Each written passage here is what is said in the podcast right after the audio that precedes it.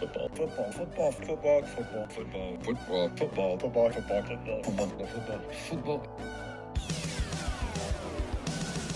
It's the football, football, football, and sometimes other sport show. Here's your host, AJ Nicoletti. What up? FFFSOSS.com at FFFSOSS, Twitter, Instagram, twitch.tv slash AJ Nick 3 Pretty glad I didn't stream, to be honest, the Champions League final. So that would have been a devastating stream. You would have seen a broken person. So kind of glad we didn't stream that. I'm not sure when the next Twitch stream will be. Um, but yeah, that's the channel if you want to, you know, throw that a follow. That'd be kind of cool. That'd be mega chill of you. All right. Um, yes, Real Madrid has won the Champions League final. They beat Liverpool. Yes, I'm still upset and sad and depressed about it, but we will recap it. I'll give you my reactions to it. Uh, so we'll do that in the kickoff, and then we'll re- uh, go through the whole recap of the game. Then we'll do soccer transfer rumors. NFL headlines, NBA playoffs, get ready for the NBA finals with a little Celtics Warriors talk ahead of game one. Then we'll do some Stanley Cup playoffs as we head towards the conference finals, PGA Tour, and to wrap up the show, and it will be heavy spoilers. So if you have not watched and if you are going to watch the Obi Wan Kenobi series uh, from Disney Plus, do not listen to the end of the pod, okay? Because I'm I'm locked in. I'm locked in to Obi Wan. Okay, so we're gonna do that at the end of the pod because you know I love Star Wars and I'm like the biggest Star Wars movies nerd. Okay, I'm not really into the other really shows. I got into Mando, but I didn't really watch Book of Boba Fett. Boba Fett didn't really intrigue me as much as it, he kind of intrigues the rest of the fan base. I'm not really crazy into him. I'm just like a Skywalker kind of guy. So, and an Obi Wan guy, as everybody knows. Okay, so um, we'll do that at the end of the program. I will say spoilers, spoilers, spoilers. Stop listening to the show. I'll I'll do all that before we get to that segment. So if you're worried about, oh my God, he's going to talk about the Obi Wan show. I haven't watched it yet. Hit pause when we get to that point. Watch the two episodes and then come back. And I want to see if we're on the same wavelength about the show. So that's what we'll do at the end of the program. Um, off the top here, again, salute to veterans, uh, our, our military personnel, our military families around the country, those who made the ultimate sacrifice. Um, thank you for letting us do this kind of stuff and enjoy sports and enjoy things like Obi Wan and, and all that kind of stuff. So, uh, hopefully, everybody had a, a safe and healthy weekend. Um, celebrating, you know, the start of summer, but also taking moments to take solace in the fact of what we are off on Monday for. Okay. So, um, hopefully, you had a good Memorial Day weekend. And for those who have uh, made the ultimate sacrifice, hopefully you thought about them instead of just, you know, pound, going to chase for 72 straight hours. I mean, hopefully you thought about some bets. Okay. So we'll do Real Madrid winning the Champions League final really is our competition. We'll do that in the kickoff. Then we'll have a full match recap. Then we'll do soccer transfer rumors, NFL headlines, NBA playoffs with a look towards the NBA finals, Stanley Cup playoffs with a look towards the conference finals, PGA Tour. We will do Obi Wan Kenobi reaction, and uh, we'll wrap you up with that. So, again, if you haven't watched the show, if you want to watch the show, I will fair like I will spoilers spoilers. I'll, I'll say it like 19 times before I go into it. So if you're worried about it, listen to the pod, and when it gets all those warnings, pause it. All right, cool. Okay, so kickoff. Real Madrid win their uh, 14th total European title. They're eighth in the Champions League era. Um, it's now more than second. Milan with seven, and Liverpool in third with six combined. They have 14. You know, besides the fact that they've won 14, they've won eight finals in a row. So they get to the final, they win the final. That's really been their MO, especially the this more um, new age Real Madrid with the Galacticos of Zidane and now into the Ronaldo era and now into the um, Benzema era, I guess you could call it, because he's been brilliant for them. So the team, again, they're 14th European Cup. They're eighth in the Champions League era, more than both second and third combined. Eight finals wins in a row. I mean, that's just outstanding. That's outstanding. And then you look at the coach, who's an absolute legend, Carlo Ancelotti. He's a four time winner as a coach, this being his second uh, Champions League title with Real. He had two previously with AC Milan, and he's also a two-time winner of the trophy as a Milan player. So it's Real Madrid's competition. It might be Carlo Ancelotti's competition as well. He's the only manager to take a team to five finals and is four and one in those finals. Outstanding. Karim Benzema, Carvajal, and Luka Modric all have equal Cristiano Ronaldo's record of five Champions League titles, and debatably, and I, and I think it is. It's the best run in Champions League uh, knockout history. Madrid, who in the round of 16 they needed to come back, in the quarterfinal they needed to come back, in the semifinal they needed to come back, and then in the final they just soaked in so much pressure. Their goalie was immense, and they turned a half chance into a goal and won a final 1 0. You know, and you look at that run, and against the teams they did against PSG, Chelsea, City, Liverpool. I mean, these are absolutely loaded teams. And in almost every single one of those matchups, Madrid seemed to be the underdog and the team that wasn't being talked about. So the round of 16 comeback starts losing in the 90th minute to Mbappe, who they think at that point is coming to them next season, right? Um, they were down in the second leg and end up winning that round of 16 tie. Then they go on and take on last year's champions in the quarterfinal in Chelsea, who, after Chelsea's first leg win, Chelsea's still up in the second leg on aggregate. Real then miraculously forces extra time, wins in an extra time. So scenes over last year's champions. So they go through PSG, they come back against PSG, they come back against Chelsea, and then the semifinal they take on Man City, who to everyone's at that point best team in the world, right? Everyone was like City, yes, it's Madrid, but Man City, this is their chance to get to the final again, back to back years, and then they can finally win it. An absolutely ridiculous all time first leg where City went 4 3. And then Real forced extra time and stoppage time after that save on Grealish. Don't forget that save. I told you that save was going to be remembered forever. They force extra time in stoppage time, and then they win in extra time. And then a final against Liverpool, who, if City isn't your best team in the world, and yes, Real win La Liga, and now they win Champions League, so they'll be thought of that.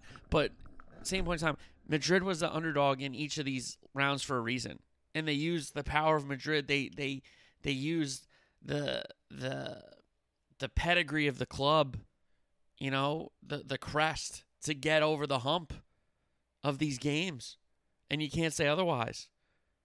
To me, at least. So they go through PSG, who's absolutely loaded and, and a team that's meant to you know win this competition, right? Because they're trying to win this competition, like City's trying to win this competition. They're PSG and City are both in the same spot. They're trying to get their first Champions League, and they're not going to stop at anything to bring in whoever they can do to, whoever they can to help them win that title. So they go through PSG. They go through last year's champions in Chelsea. They go through City, who's a favorite in every competition they enter, basically. And then in the final, if City's not your number one team in the world, Liverpool is most likely and Liverpool has won two trophies already. Yes, they lose the Prem by one point, so they could have had three trophies at this point. And they soak in all the pressure and they find a way to get a goal and win. And Courtois was immense, and, and we'll talk about Courtois, and he'll get his roses for sure, especially for me. Especially for me. So that's the Real outlook. Look at the Liverpool outlook. Klopp, his third loss as a manager. He had one with Dortmund, now two with Liverpool tied most uh, most all time. Liverpool are six and four in finals now, and one and two against Real Madrid. That lone win coming in '81 in Paris, and that was the last time Madrid has lost a final in this competition. One 0 is now the most common score in UEFA Champions League finals history. It's the sixth final that way, and the third in succession. We had one 0 PSG or Bayern against PSG with Kingsley Coman scoring. We had one 0 with Kai Havertz getting the goal over City in last year's final, and now we have Vinicius Jr. at the back post for Real Madrid to beat Liverpool 1 0. So Champions League final, Real win at 1 0. The match started at 9:36 local time after it was supposed to start at 9 local time. Um, it was delayed to 9:15 and 9:30. Originally, UEFA was blaming late arriving fans. Then they were blaming uh, fans with fake tickets. That's why they shut gates down. Specifically in the Liverpool end, they shut gates down. They started funneling fans into tight corridors. Um, there were fans getting tear gas. There were fans um, getting beaten by cops, robbed by local um, locals. I guess you could say local, local, the locals, and the fact that the blame was, oh, they were late arriving. Fans were in line for two hours, and the media was all over this. To quick to criticize UEFA, quick to criticize the French police, and I don't know what they thought was going to happen at the end of the match, but there were fans in Liverpool. There were police on the the pitch in the Liverpool end, but not in the Real Madrid. It was very very weird. Very very weird situation. Um, and now UEFA's blaming and the French are blaming Liverpool fans, which is insane. UEFA said they're going to launch an investigation, an independent investigation, and hopefully that investigation finds out that UEFA and the, the police were absolutely incompetent in this um, staging of a final. So that's really all you're going to get from me about that. It's disgusting from UEFA, um, disgusting from the police forces, the French police forces. Insane and just really, really poorly run, and not shocking from UEFA to be honest. All right, um, so let's go into the game itself. The Real Madrid 11, Courtois, Mendy, Alaba, Militao, Carvajal, Alaba fit enough to start on that back line. We knew what the midfield would be for Madrid. Casemiro, Kroos, and Modric. And joining Vinicius Jr. and Benzema up front was not Rodrygo, the hero of the City game. It was Valverde, who could morph into that midfielder, and he kind of did morph into a midfielder, especially when uh, Liverpool were holding the ball and possession. So the Liverpool team, Alisson, Andy Robertson, Virgil van Dijk, alongside Van Dijk, the big call for the young Parisian Ibrahim Konate, who didn't play a bad game. Trent Alexander-Arnold on the right, Fabinho, Henderson, and Thiago in the midfield. Diaz, Salah, Mane up front for Liverpool. Thiago, who might have been the only benefit of this delay because in the warm up they gave him the painkillers and then his foot went numb. And then it was only really after they had come out again to warm up that he got the feeling back in his foot and he was good to go. It seemed like Naby Keita was going through the drills with the rest of the starting 11 and he was going to take Thiago's spot, but Thiago got feeling back in his foot and was able to start the match. Okay, so also Camila Cabello, um, you're not Dua Lipa, sweetheart, anyway, but to be complaining about the fans singing songs in their end after the game was delayed and this, stop you're at a football match. You're not. It's not a Camila Cabello concert. They asked you to play the final. Change your attitude. I'm sorry. All right, so we kick it off. First chance to Liverpool, a Trent cross. Salah gets a piece of it. Uh, it goes towards Courtois' near post. He's down to make a save. Uh, Could have went in. Maybe a goalie not as long as Courtois doesn't get a hand to it, but first chance there for Liverpool. Then Thiago, a ball fell to him at the top of the box. His shot right at Courtois. Then another Liverpool chance. Robertson to Mane on the turn, passes to Salah. His effort was saved by Courtois. Then we had Mane to Salah. Trent Alexander Arnold coming into the box. His shot goes above Courtois' net. Then we had maybe the biggest chance for Liverpool, certainly in the first half. Thiago, really good ball to Sadio Mane between the lines who kind of shimmies around Militao, gets his shot away. A brilliant save by Courtois. Really like a world, world class save. Um, gets a piece of it, goes off the post. I mean, he, he got a piece of it, it almost still went in. He gets a piece of it, it goes off the post and stays out. Then uh, Konate picks up the ball on the Liverpool end. Good run. Plays it to Trent Alexander Arnold, left footed cross, headed by Salah right to Courtois. Not a good header, right at the Belgium keeper for Los Blancos. Robertson um, kind of threw ball on the overlap to Sadio Mane. That got Liverpool a corner that ended up coming to nothing. Then Real got a chance. Ball over the top for Benzema. Looked offside. He wasn't at first. Uh, Alisson comes out to claim. Then the ball kind of goes off Konate. It gets loose again. Fabinho comes in to challenge, and then with that challenge, it goes right to Benzema, who slots it in. Real starts celebrating. Flag goes up. Long review. Um, and I think it was because the first thing they had to get was was uh, Benzema offside to begin with. And he was not. He was just level. He looked like he was off, but he was just level. It was a great time run. Give him credit. But then the second thing what they had to sort out was okay, he's on, but what about what happens with the goal? And it was not a deliberate back pass by Fabinho. He's coming into challenge and the ball goes off his trail leg. That's not trying to play the ball with your trail leg. I don't think I've ever seen somebody come in for a sliding challenge and then try to play the ball with their trail leg. So this goal was it was a lengthy review. I was worried they were going to give it because it was such a lengthy review, but VAR agrees that he was offside and was not deliberately played backwards to him by Fabinho. So Liverpool catch a break. They had been brilliant in the first half, but Courtois was there. And yes, the Mane chance was a big chance, but the other chances, even though they were shots on um, target, besides the solid chance like the flick on at the near post, hit that chance and the Sadio Mane chance were the Liverpool's best opportunities to put one past Courtois, and he was really great. He was really great. And then, you know, they do Liverpool are fortunate to get out of the half nil nil, but you could say the same thing for Real Madrid in that first half because Madrid didn't really um, show any threat going forward. When they got the ball, they kind of kicked it around the back and then tried to play a pass between the lines that Liverpool usually pressed on or you know got a heavy touch on it and won the ball back. You know, so for me, it was clear that Madrid were going to sit back with a world uh, class squad, and that's been an issue for Liverpool. It has been. So, all right, we go uh, into the second half.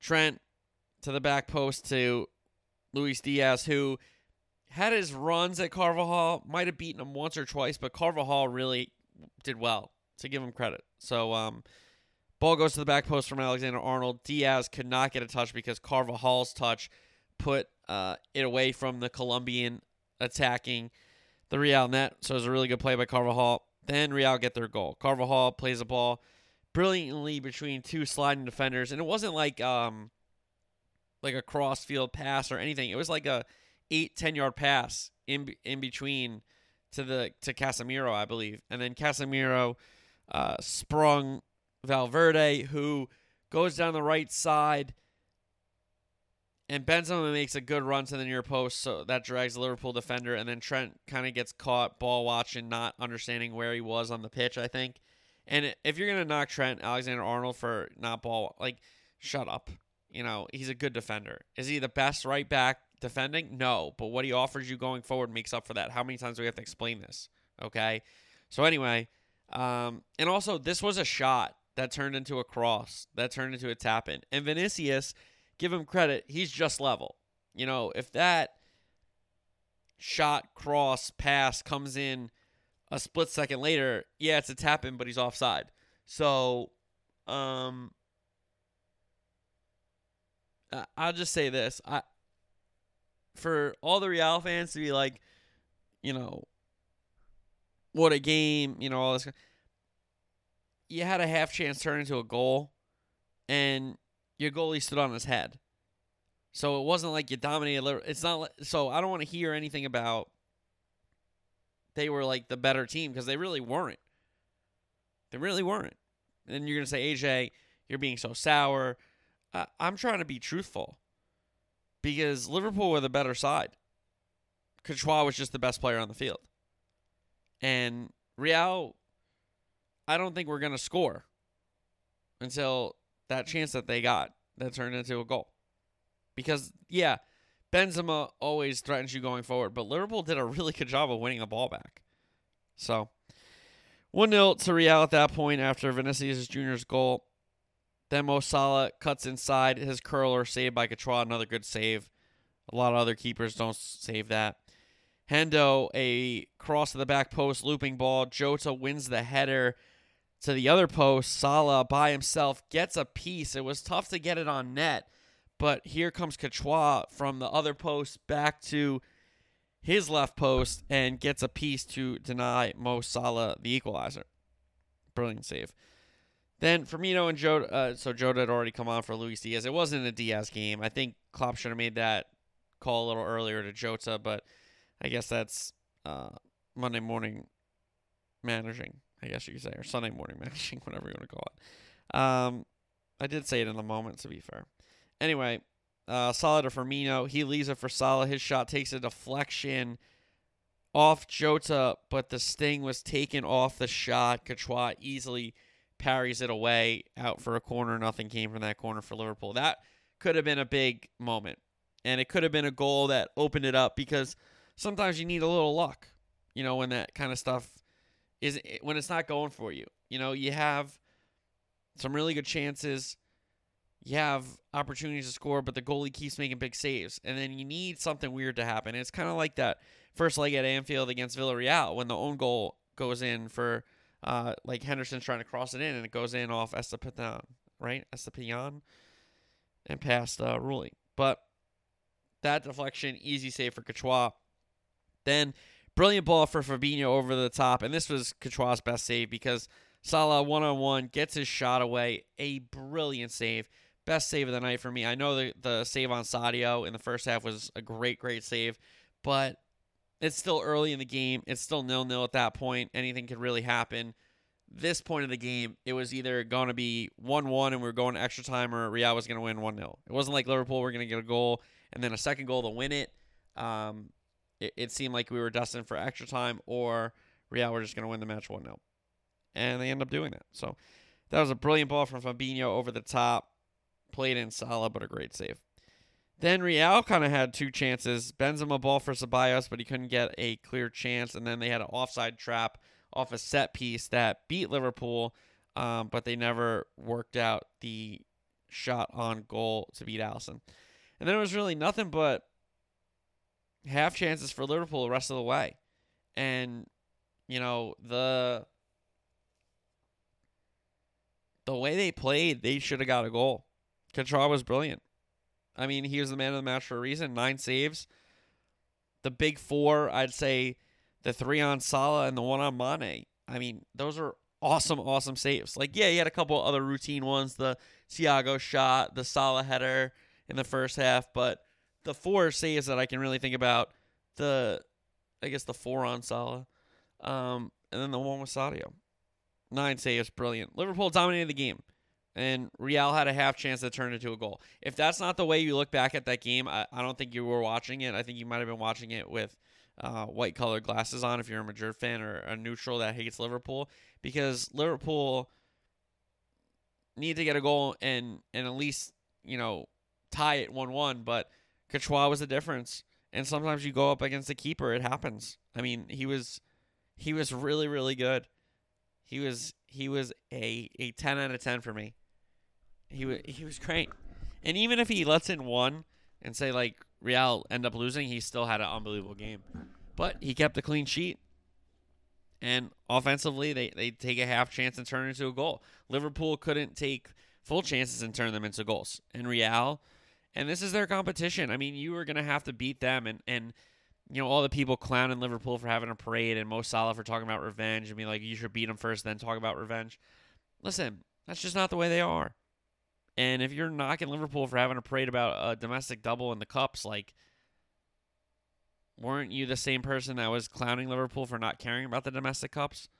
So now we throw up like so Liverpool can never win with these people, to be honest. Um, and they couldn't beat Courtois. Real soaked up all the Liverpool pressure. It seemed like they went into like a 4-4-2, even like a 4-5-1 with Vinicius and Valverde both coming back into defend and Benzema, you know, wasn't always behind the ball, but he wasn't always challenging the center backs for to be the outlet. You know, there were a lot of times when he did try to, you know, mark a Fabinho or mark a, a Van Dijk coming in or, or try to win the ball off Konate when Konate was coming forward.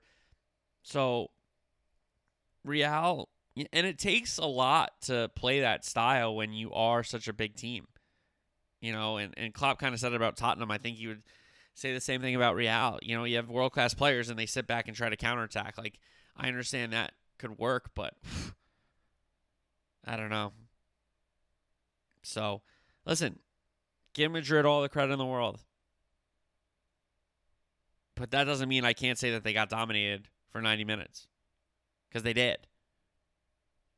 You know, I'm not really into expected goals, but you look at them and it's so disparate. Like, it's so, the difference is outstanding between Liverpool expected goals and Real Madrid expected goals. And yes, Real got the stat that mattered. You're right. 1 0. You're 100% right. If you're AJ, you're just crying because you're a Liverpool fan. AJ, to, listen, you're not wrong. But don't tell me that Liverpool didn't play well. They did. They just didn't get a goal. It happens. You know, it's happened a lot in the Klopp era. I remember early Klopp days when they would play well away from home and they'd get a bad draw against like a, a bad team. And he'd be like, listen, performance wise, we played pretty good, but we didn't get the right result. You know, it happens. Um, you just hope it doesn't happen in a final. And it did. It did. Um, so Courtois, man of the match, brilliant. Liverpool were good. They dominated but couldn't find a goal. Credit to Real. It's it's their competition. And when they get to the final, they don't lose. And you know, end of the day, you just tip your hat and say, "Hey, it's a hell of a season." Liverpool fought to the final whistle in, in both comp- in all four competitions, winning two. Um, and then unfortunately losing the Prem by one point and losing the Champions League final a goal to nil. It's the two smallest margins you can lose by, unless you lost by goal difference, I guess. But again, I, I can say credit to Madrid for their record in this competition and soaking in the pressure and finding a way to win a game, and also say they got dominated. It's not mutually exclusive. So, credit Madrid. Credit Madrid. Disappointing for Liverpool for sure, but credit Madrid. Um, all right, shout out Nottingham Forest, who's going to join Fulham and Bournemouth to come up from the championship. Nottingham Forest beats Huddersfield at Wembley 1 0, courtesy of an own goal, I think a VAR own goal, uh, to secure that last promotion spot. So, congratulations to the Trees coming up. Soccer transfer rumors now. And this kind of off season, this window is going to get highlighted by Lewandowski, I think. And then Sadio Mane right after because We've already heard about Haaland. It's already been announced he's going to City.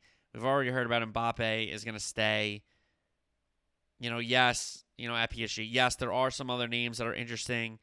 You know, when you talk about a and a Di Maria or, you know, Luis Suarez, uh, uh, uh, a veteran that can give you some goals.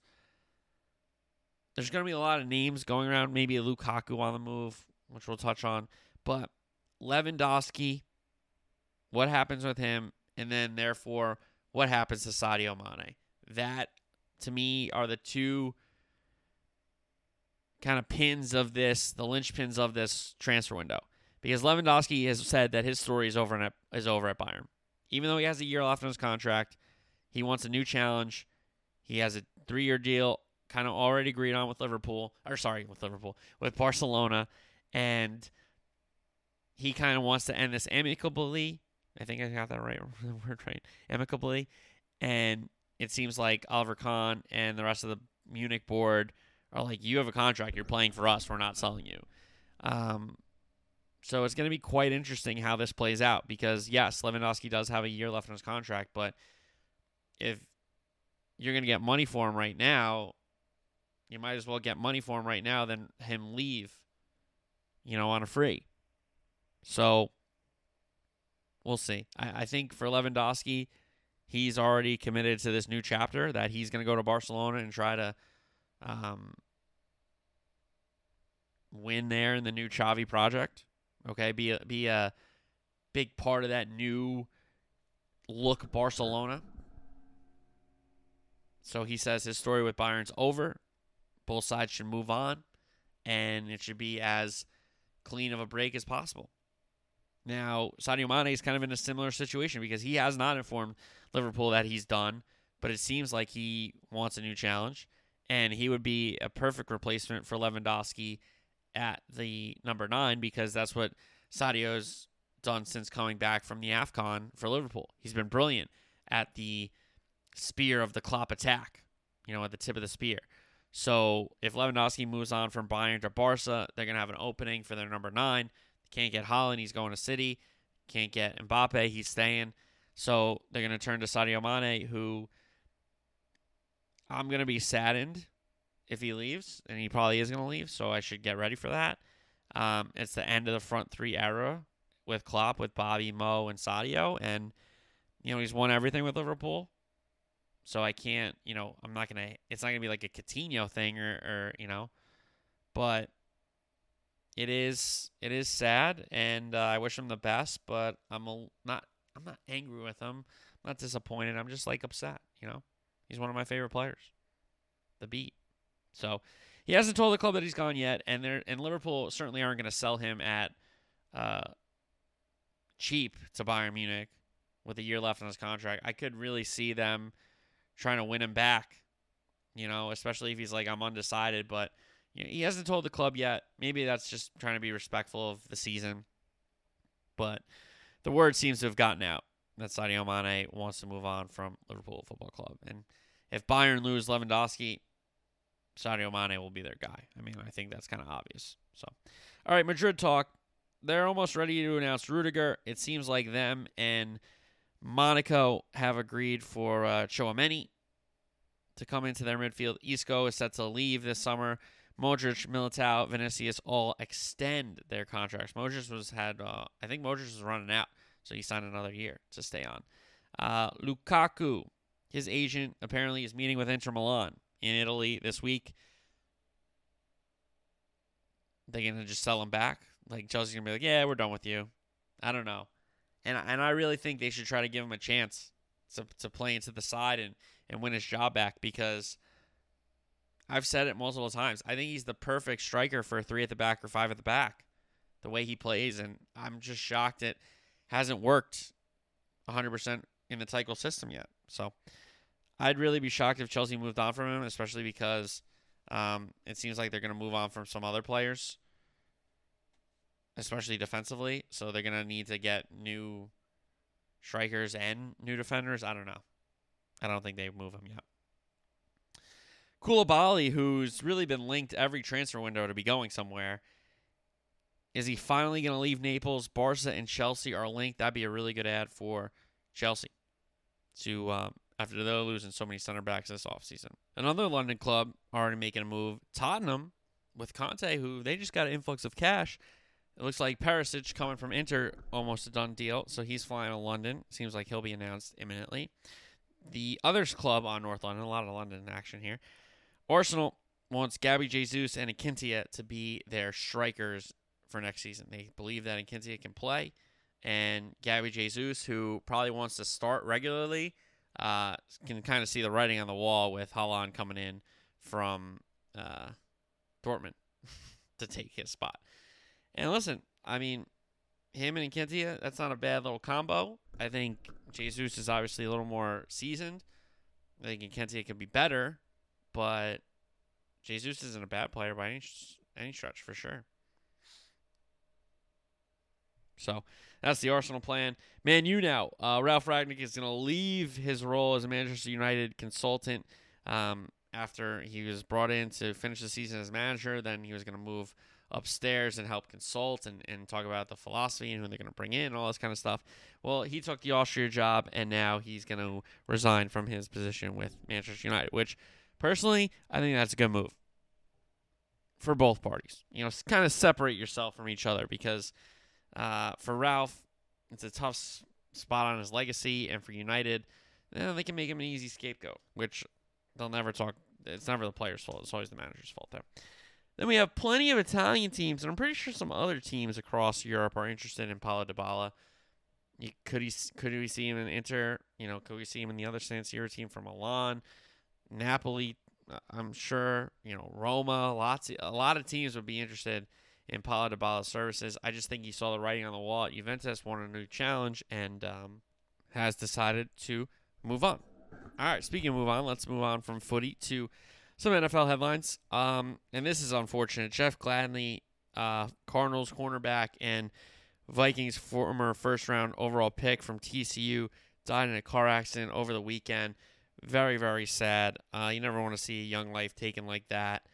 Um, and from the outpouring of you know well wishes to his family, condolences from really across the league, it seemed like solid guy. So uh, condolences to his family, condolences to the Cardinals family. Um, and the TCU family as well. So, uh, condolences in my in my uh, my sorrows to the Gladney family. Seattle uh, could in fact trade for Baker Mayfield. We've been talking about okay destinations for Baker Mayfield. Where do we see him going and playing? Well, here's a destination. Seattle's been on the board really since the beginning, and they could in fact trade for Baker Mayfield. They are interested in trading for Baker Mayfield, but the Browns are going to have to take on a lot of his salary because I don't think the Seattle Seahawks are going to do the Cleveland Browns a favor by taking on a big contract when they don't want to do that. So I think a lot of it is the asset question of what Seattle's willing to give up. And then in response, Cleveland's not going to take no assets and still have to pay. So I think there's kind of where the deal is breaking down, in my opinion. So we'll see what happens there. Speaking of the Browns, they originally tagged uh, David Njoku, their tight end, but now they've agreed to a four-year, $56 million contract extension. So Njoku gets some money to stick around in Cleveland, and he's a player. And I can see with Landry um, leaving and Watson coming in, I could see Watson targeting the tight end a little bit. So we'll see. All right, Mahomes says the Chiefs' offense is going to involve everybody. It's going to all the skill position players they're going to need the running backs, they're going to need the receivers, they're going to need everybody to uh, chip in because yes, the cheat is gone and Tyreek Hill, but they still have Travis Kelce. But Kelce's going to get all the double teams. So who else is going to step up for Mahomes and be uh, sure pair of hands that they can trust on a third down, you know, to move the chains when they need to get a big score. So that's what Mahomes says about his weapons. How about Justin Fields? He says he has plenty of uh, confidence in the Chicago wide receivers. And like usual, it seems like they're setting up a young QB to fail, which is unfortunate. But that's the deal in Chicago. Marcus Mariota down in Atlanta, he says he's hungry to get back on the field and he's happy to mentor Desmond Ridder, the rookie out of Cincinnati. Uh, kind of what the opposite of you heard of the guy who beat Mariota out at Tennessee eventually in, in Ryan Tannehill. But again, those contexts, that was taken out of context, those comments. So I'm just, I'm just throwing a playful shot at Tannehill, not trying to, you know, start any beef. Anyway, more quarterback stuff. Let's stay in the NFC South. So let's go from Atlanta to New Orleans. And this isn't great news out of New Orleans, uh, OT, is that Jameis Winston has a visible limp coming off that ACL um, surgery. And sure, he has some time to still recover. It's only May. But, you know, if we're in workouts and all this kind of stuff, maybe he shouldn't be taking these snaps right now. Maybe you should be resting or, or doing some other things. But or rehab. I don't know. But he's taking snaps. I think he's trying to win. Um, I think he's trying to win the job and he wants to prove himself. But um, he's got a limp, and that's that's not a great sign for me. All right, NBA playoffs. Celtics Heat. C's blow out the Heat in the fourth quarter in Game Five. A tighter game, and then it turned into a blowout in that fourth quarter. They went up 3 2, and then with a chance at home in Boston to end the series, the Heat win game six. An all time performance from Jimmy Butler with 47 points to force a game seven in Miami. And Boston goes down there, starts really hot. The Heat had a couple runs to make it a little interesting. They Boston pulls away again. The Heat make it close again. I think they had an 11-0 run there down the stretch of the game to make it tight and to have the Heat foul the Celtics, but the Celtics make their free throws. Um, and the C's win Game Seven in Miami. Game of runs, but the Celtics hold on, and Boston is going to the NBA Finals, and they will face the Warriors after the Golden State Warriors beat the Dallas Mavericks in Game Five to advance to the finals uh, last week. Then we had this series go seven, so the Warriors have been resting up. And let's talk about this NBA Finals Celtics Warriors. Well, Steph, Clay, and Draymond back in another NBA Finals, but now they're joined by Poole and Wiggins. Looney's still the big, and then Warrior injuries and returns could play a factor in this finals. Andre Iguodala hasn't played. Gary Payton um, should be back, they think, for this series, at least to play a little bit of a role. And Otto Porter as well has missed some time but could be back. So the injuries, Looney is the big, the role guys in Poole and Wiggins, and of course you have Steph, Claymont, and Dre that Draymond that have just been there, done that. Another finals appearance for them. Clay has turned it on in some instances. We know Steph can turn it on. We know Draymond understands his role. And yeah, he might get thrown out of a game. Yeah, he might have technicals and all this kind of stuff. But he's going to make more good plays than bad. So um, that's when it comes for the Warriors. We know the Splash Bros. We know Draymond is a player. Do they get some help back from some of these guys that have injuries? Poole his first finals, Wiggins his first finals. Looney is a solid big, and he's had some big games for them this this playoff run. So we turn it over to the Celtics now, and it's the J and J show when it comes to Jayson Tatum and Jaylen Brown, the two best players on the Celtics, the two most important players on the Celtics, and if the Celtics win this NBA title, it will be on the backs of Jayson Tatum and Jaylen Brown. Are they the most? Are they the best three point shooters? No. Can they make a big three in a big spot? Yes. Can they get to the rim all the time? No. But can they get to the rim in a big spot? Yes. Are they both the best free throw shooters of all time? No. But can they make big free throws in big spots? Yes. So they're two kind of different superstars, I'd say. Um, but they're outstanding players, and they're both very, very good. And they're the two centerpieces. Like Stephen Clay are the centerpieces for Golden State. Yes, Poole's good and Draymond's good and all these other players can score and stuff. But it's Stephen Clay. Celtics have players, but it's really Brown and Tatum. Marcus Smart's role as a point guard and defender is going to be absolutely uh, gigantic in this series. Is he able to limit turnovers, take smart shots, do all these kind of things?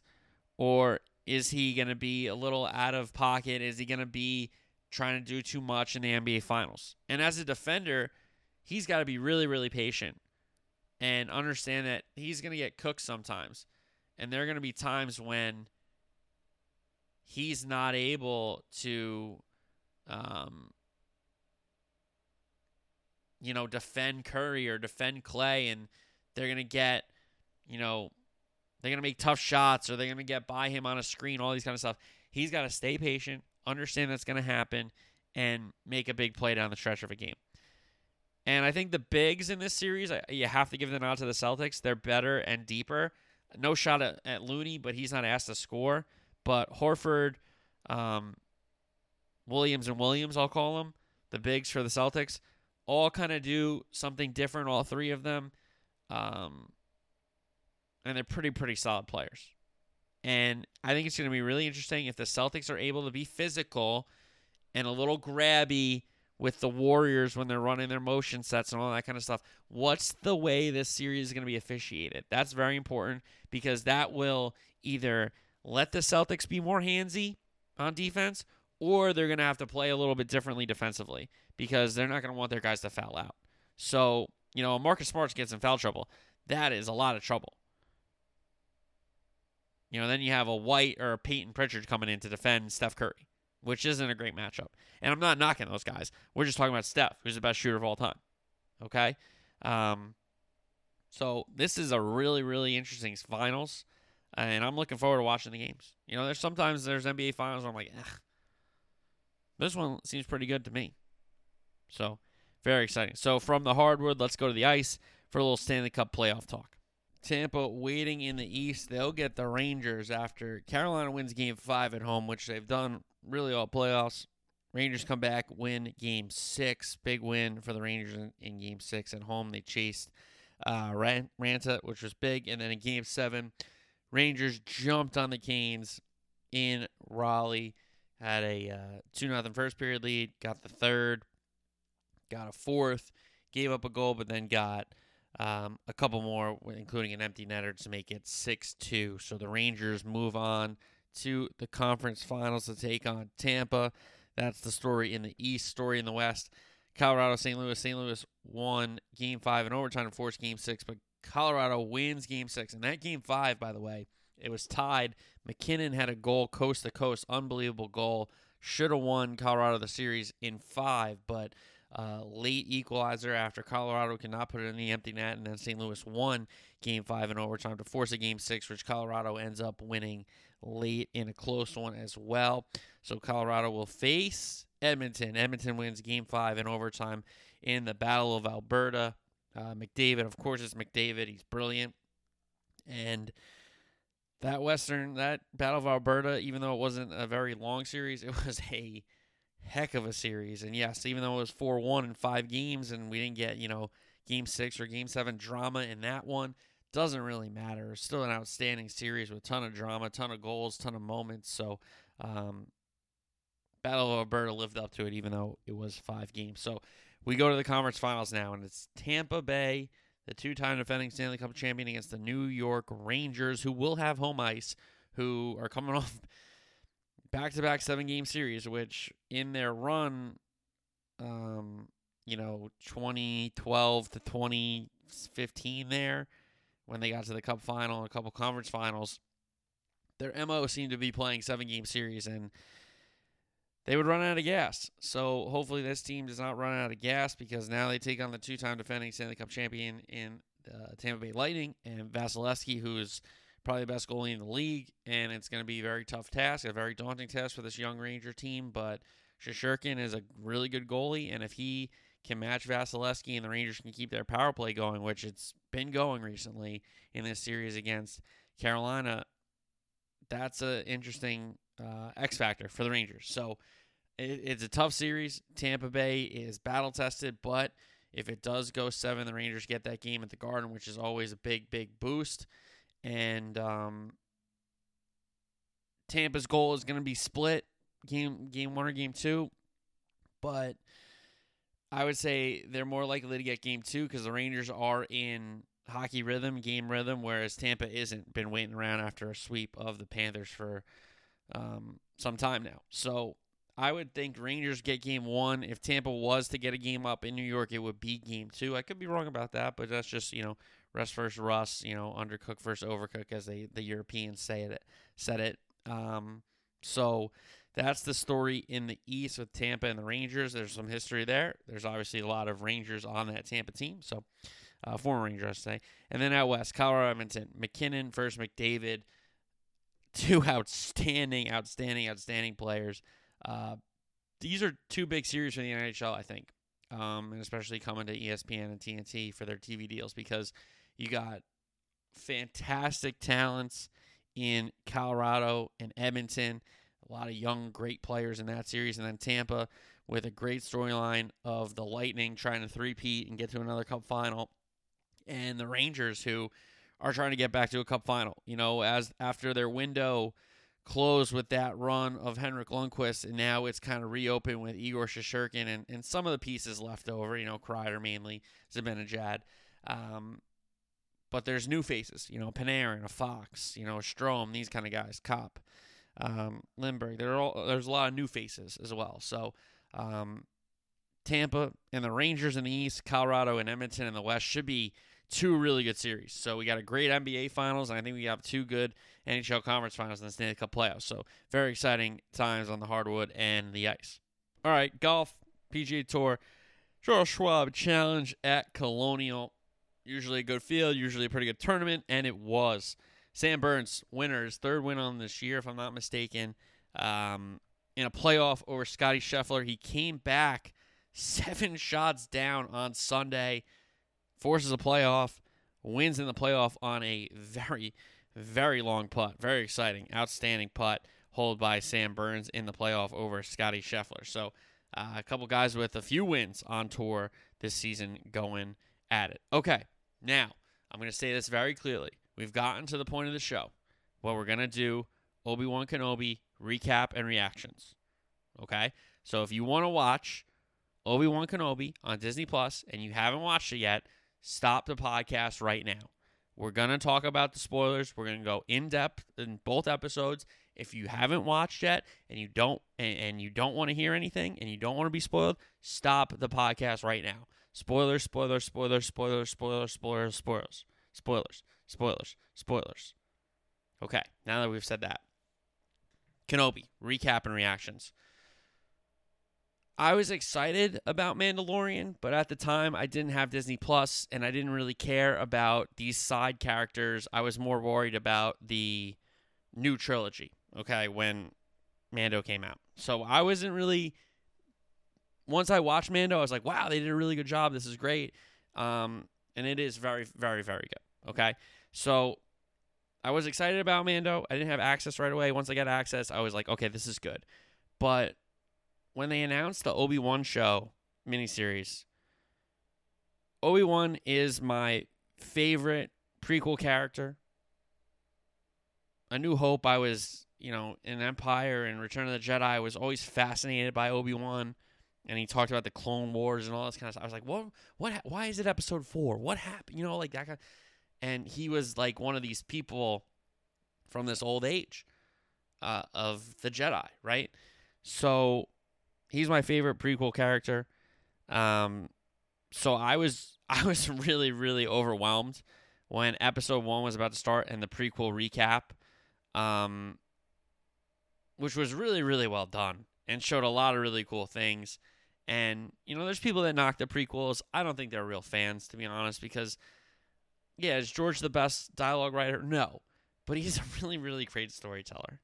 He really is. He really, really is. So that prequel recap, I was almost like overstimulated in the sense, and then to start with an Order sixty six scene only added to that because um, Order sixty six. Yes, we've seen it in Revenge of the Sith mainly, but we've seen it in other kind of iterations and yes, we see it with the, the younglings in Revenge of the Sith when Anakin takes the lightsaber to the younglings and like, what are we supposed to do? But we never saw it from like other Jedi's perspective in the temple. We've seen it on other planets, but we hadn't seen it in the temple specifically. In that kind of um that kind of way it was shown. So right off the bat, the prequel recap into that, I was like, oh my God, this is so good. Ewan McGregor gets to act. You know, he doesn't have the worst dialogue ever anymore. He's brilliant. He's such a good actor. Um, I'm so glad they got to do this. I'm so glad he wanted to do this and was excited to do this, and it wasn't like a burden on him um, to get the voice back or to get the mannerisms back or to do all the things that Alec Guinness would have done, or you know, so he gets to act. He's brilliant, right? Um, we get another look into this Owen Lars Ben Kenobi relationship. Besides some of the dialogue we have in A New Hope, before um, Luke's uh, uncle and aunt are, are killed by the stormtroopers. There, we get to see the toy ship that the T16 that Luke's playing with in A New Hope. It was a gift from Ben. Owen throws it back at him, so we know it gets to Luke somehow, right? But um, you know, Owen saying, you know, you you want to rate, you want to train the boy like you you trained Anakin, like no, you're not doing this. He's like, well, we agreed, and it's a really really interesting look. And then Owen doesn't sell him to the Grand Inquisitors and Reva when he when she's um when she's interrogating him in the street, right? When she cuts off that lady's hand. Um, young Leia, maybe the best Star Wars casting I've seen in a long time. Uh, Vivien Lyra Blair is the actress's name. She's stealing scenes from Ewan McGregor. So that's how you know she's fantastic. It's a perfect casting. It is a young Leia. The attitude, the mannerisms, all of it between the, you know, granddaughter maybe line or, you know, um, some of the back and forth she had with with Obi-Wan were excellent. Um, and she's a really really great character. And you could see like was she using the force unknowingly when she kind of looked into her cousin's thoughts and, and said, "Oh, I don't have to talk to the lower life forms like you," because he said you don't have to thank droids, and she said, "Thank you to the droid."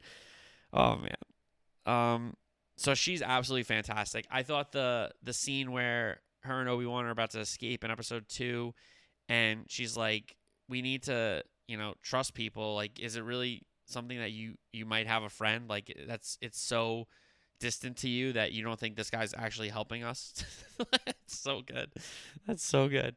Um, you know, and then Obi Wan following up with, "You remind me of someone talking to about Padme, her mother, and he can't tell her about her mother yet." All this kind of stuff. It's so good.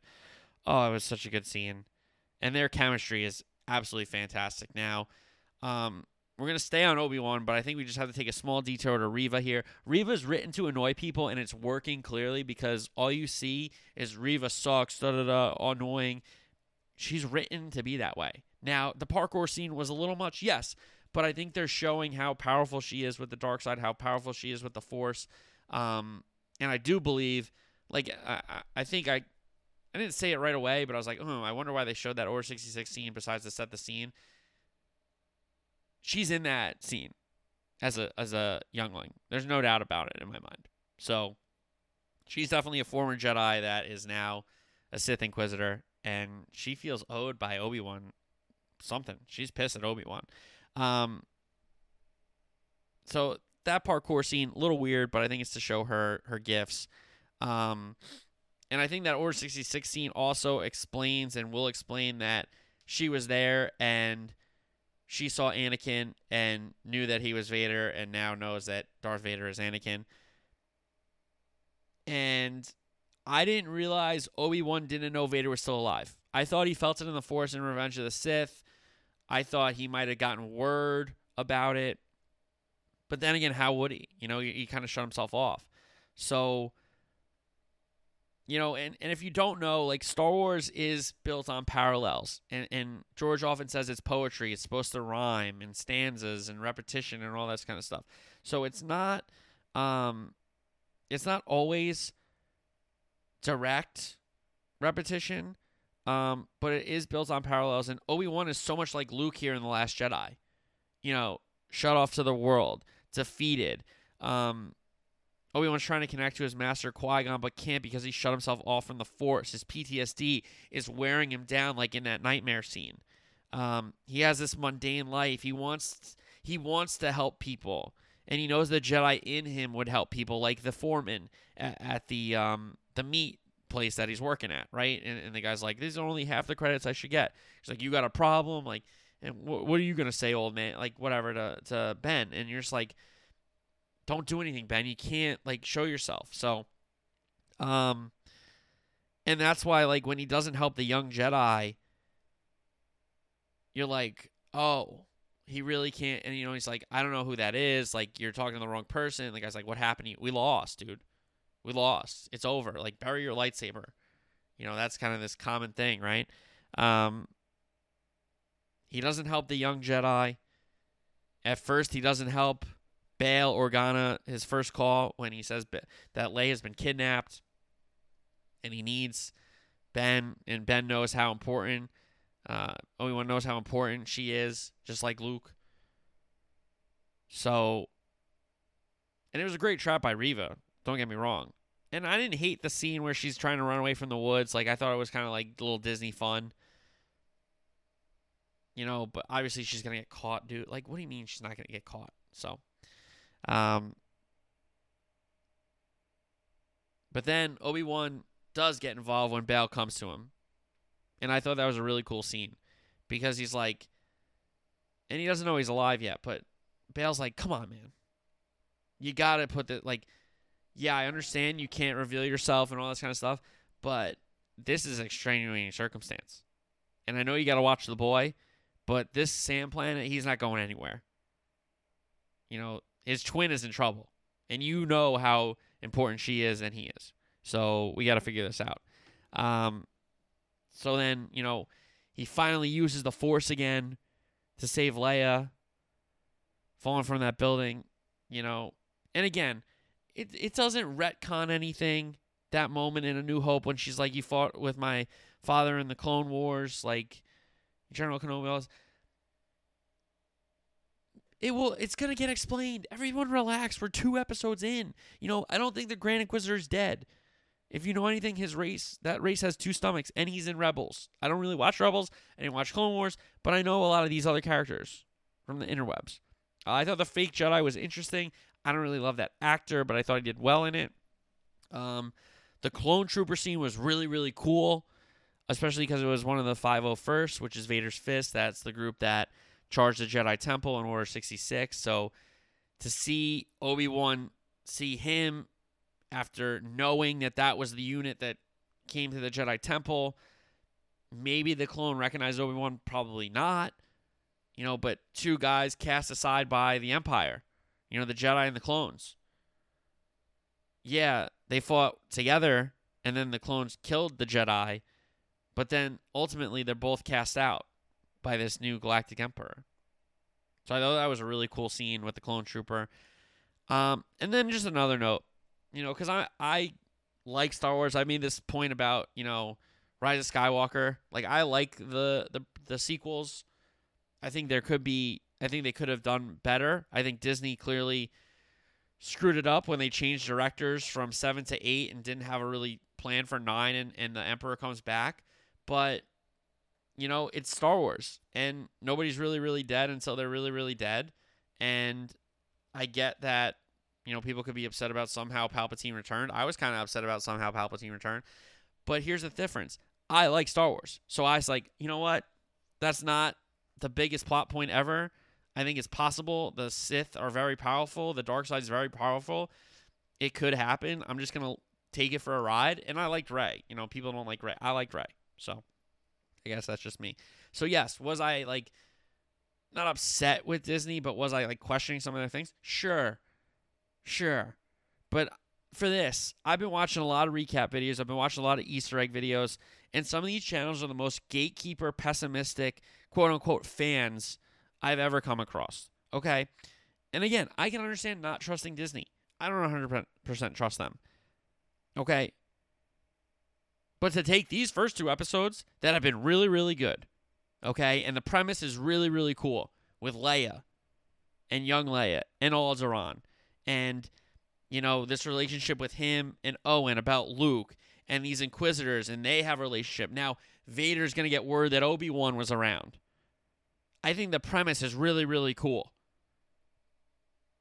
And after those first two episodes that were really good, in my opinion, you're going to complain about the Grand Inquisitor or Leia's message to Ben in A New Hope. It's being ruined. Can we let something play out for once, please? Just one time.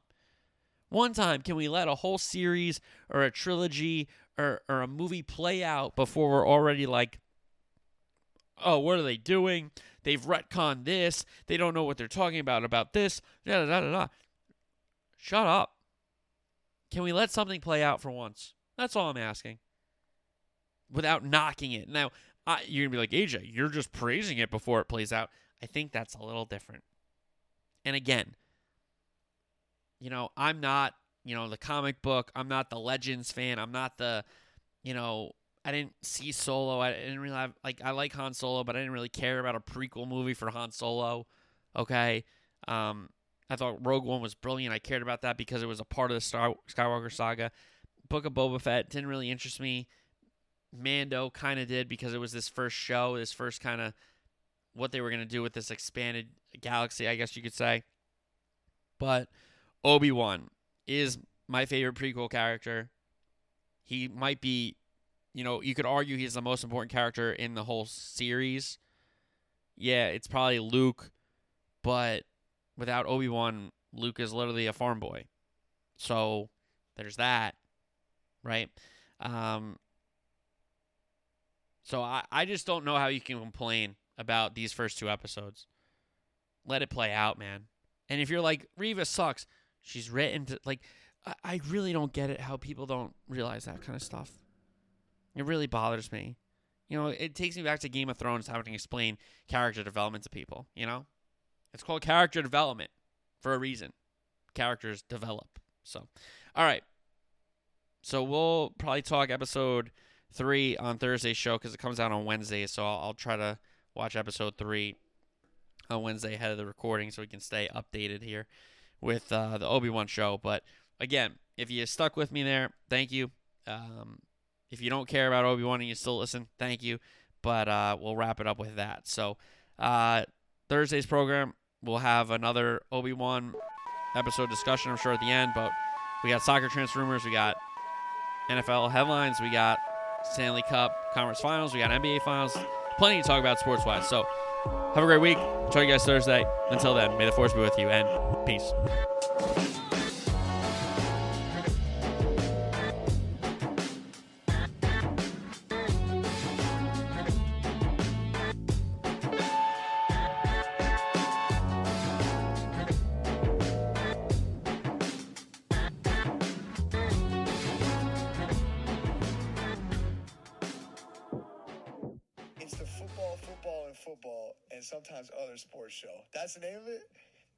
Check out his podcast. That sounds like my kind of podcast. Football, football, football, and sometimes other sports show. Sounds like me.